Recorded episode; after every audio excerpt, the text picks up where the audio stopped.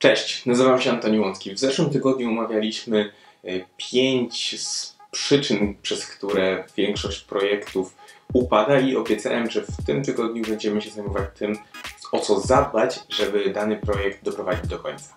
W idealnym świecie Twoje codzienne to-do lub lista zadań do wykonania doprowadza Cię do tego, że jakiś projekt zmierza ku końcowi, a każdy zmierzający ku końcowi produkt działa na korzyść organizacji, przedsiębiorstwa bądź jakiejkolwiek formy, na, którą, na rzecz której wykonujesz ten projekt.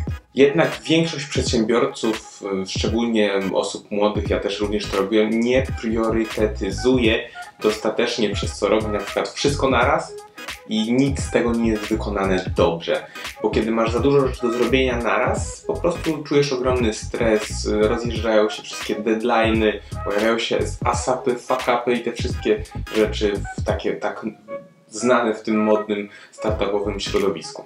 Podzielę się z Tobą tym razem pięcioma krokami, dzięki którym znacznie sprawniej zaczniesz zarządzać swoimi projektami. Przede wszystkim musisz zdefiniować każdy projekt, jaki masz teraz na pulpicie.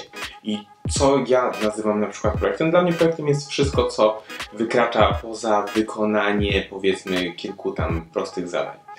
Jeżeli chcesz zwiększyć swój biznes, to jest na przykład seria projektów. Jeżeli chcesz powiedzmy schudnąć 20 kg, to też jest projekt. Jeżeli chcesz zbudować nową stronę internetową, to również jest projekt. Więc ważna jest jasność w tym, co masz do zrobienia w określonym projekcie. Niektóre projekty są bardzo oczywiste, niektóre są bardzo zagmatwane i nie są na pierwszy rzut oka zbytnio czytelne. Dlatego należy wziąć kartkę, wypisać na niej wszystkie projekty, jakie musisz zrobić. Czy jest to poszerzenie swojej sieci networkingowej, czy jest to zebranie jakiejś liczby klientów, czy jest to zrobienie czegokolwiek innego, zapisz po prostu to na kartce. Możesz mieć na niej właśnie od 10 do 20 projektów, ale pamiętaj, żeby wykonywać je efektywnie, możesz w jednym czasie skupić się na dwóch, maksymalnie pięciu, tak mówią statystyki, ale ja nie wykraczam, staram się nie wykraczać nigdy powyżej trzech projektów, ponieważ inaczej spada po prostu moja efektywność i nie robię ich tak dobrze i tak sprawnie, tak szybko, jak mógłbym to zrobić, mając na pulpicie mniej zadań. I teraz coś oczywistego, ale dużo osób o tym niestety zapomina. Każdy projekt powinien mieć początek oraz powinien mieć koniec. Więc jeżeli wybierasz te pięć projektów z listy wszystkich, które masz, zadbaj o to, żeby jasno przedstawić je na kalendarzu. Kiedy one mają się zacząć i kiedy mają się skończyć. Bo jeżeli tego nie zrobisz, mogą one przeciągać się w nieskończoność i nie będziesz w ogóle widzieć żadnego postępu w nich. Więc zadbaj o to, żeby wyznaczyć jasny, klarowny początek i koniec. I teraz, kiedy masz już na przykład te pięć projektów, którymi chcesz się teraz zająć, dla każdego z nich stwórz jednostronnicowy plan. Dlaczego jednostronnicowy? Zaraz o tym powiem. Weź po prostu czystą kartkę, czy otwórz Worda albo Excela, na czym wolisz pracować i zapisz na nim odpowiedzi na następujące pytania. Jaki problem rozwiąże ten projekt? Jaki będzie miał wpływ na organizację? Jakiego zespołu i budżetu potrzebujesz, żeby go zrealizować? Jakie są główne kamienie milowe, które, po których będziesz poznawać, że zmierzasz w dobrym kierunku? Jakie są potencjalne blokady, które mogą Cię spotkać po drodze do realizacji tego projektu? Jakie ryzyko niesie za sobą ten projekt? Jaki jest Twój plan działania, czyli wszystkie zadania, które musisz, musisz zrealizować od napisania czegoś do zadzwonienia, przez, do, do zadzwonienia do kogoś yy, i wszystkie te drobne rzeczy, które muszą być zrealizowane i to kiedy mają być zrealizowane i po czym poznasz, że ten projekt został zrealizowany. Jakie liczby powiedzą Ci, że ten projekt został wykonany i został po prostu sukcesem. Po czym to poznasz? I dlaczego masz to zrobić na jednej kartce? Ponieważ pisząc to na jednej kartce, będziesz musiał oszczędzać jednak miejsce.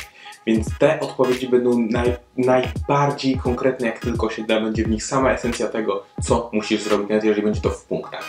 Na pewno należy też ustalić jakieś normy komunikacyjne z całym zespołem, bo niewiele projektów realizuje się samodzielnie.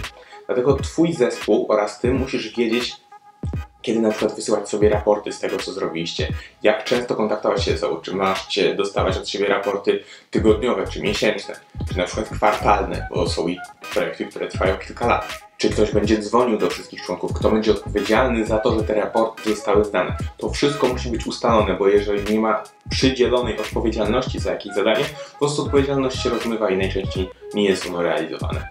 I teraz coś, o czym wspomniałem już tydzień temu, czyli musisz wiedzieć, kiedy wyjść z jakiegoś projektu. Więc kiedy już na przykład stworzysz wszystkie te listy jednostronnicowe swoich projektów i położysz je przed sobą, w bardzo prosty sposób możesz dowiedzieć się najważniejszych informacji odnośnie tego projektu, czyli kiedy on ma być zrobiony, co ci da, co z niego będzie, co jest potrzebne, żeby go zrobić. Kiedy wszystko to przedstawisz sobie przed oczami, w bardzo łatwy sposób będziesz mógł wyeliminować te projekty, które faktycznie nic tobie na przykład nie dają. Ale możesz też odpowiedzieć na kilka pytań, żeby sprawdzić, czy ten projekt naprawdę, czy warto się angażować w ten projekt, czy jednak warto z niego zrezygnować. Więc zadaj sobie pytanie, czy cel projektu jest ważny dla organizacji, dla której go wykonujesz. Jaki jest planowany zwrot inwestycji z tego projektu i jaki jest zwrot z inwestycji na dany moment? Co musisz poświęcić, żeby dalej pracować nad tym projektem? Czy łatwiej będzie Ci osiągnąć swoje cele pracując nad innymi projektami? Jakie są emocjonalne konsekwencje dalszego angażowania się w ten projekt? Więc kiedy odpowiesz sobie na te pytania, naprawdę znacznie łatwiej jest dowiedzieć się, czy warto brnąć w niego dalej. Bo tak jak wspomniałem tydzień temu, czasami pojawia się taka obawa, że już tyle zostało zrobione, tak daleko zaszliśmy teraz z tego wychodzić to jest taka troszkę e, strata powiedzmy czasu, który wykorzystaliśmy na dojście do punktu, w którym jesteśmy. I wiem, że powinno się kończyć rzeczy, które się zaczyna, ale no czasami trzeba po prostu odejść, bo będzie to po prostu znacznie gorsze, jeżeli będziemy się taplać w tym błocie, e, w którym jesteśmy teraz. Bo są po prostu sytuacje bez wyjścia i znacznie łatwiej, łatwiej, nie tylko łatwiej, ale korzystniej jest od nich odejść. Po prostu robić to, co powinniśmy. Więc mam nadzieję, że wykorzystasz te rady do tego, żeby lepiej zarządzać e, projektami. Cześć! Bardzo cieszę się, że zobaczyłeś to wideo do końca. Jeżeli było ono dla Ciebie wartościowe, proszę kliknij kciuka do góry. Możesz też zawrzeć w komentarzu dwie rzeczy, które najbardziej zapadły Ci w pamięć. A jeżeli chcesz więcej takich wideo o skutecznej komunikacji oraz efektywności, koniecznie zasubskrybuj mój kanał, należy kliknąć tutaj.